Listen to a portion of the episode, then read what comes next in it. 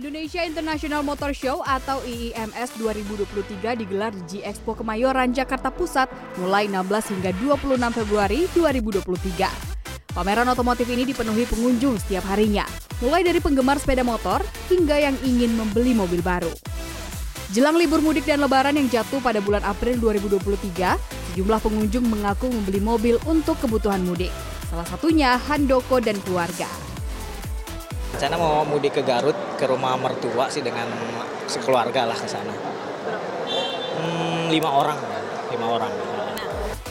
Handoko mengaku sedang mencari mobil jenis sport utility vehicle atau SUV untuk keperluan mudik tahun ini.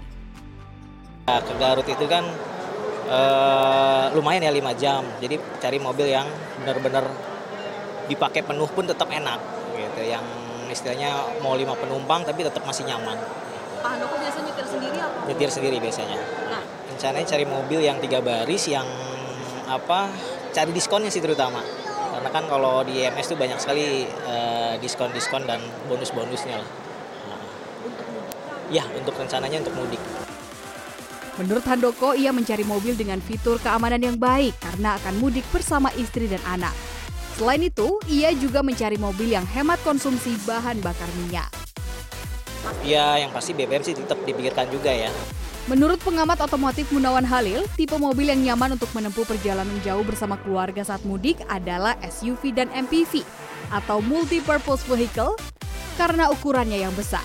Namun, jika ingin hemat konsumsi BBM, idealnya menggunakan mobil hybrid atau mobil yang memiliki dua sumber penggerak, yaitu mesin konvensional dan listrik.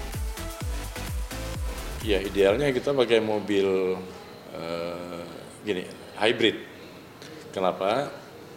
Uh, karena bisa membuat konsumsi BBM-nya jauh lebih irit karena dibantu oleh penggunaan baterai. Kalau listrik uh, ideal, tapi kan uh, infrastruktur kita belum canggih ya, belum belum luas.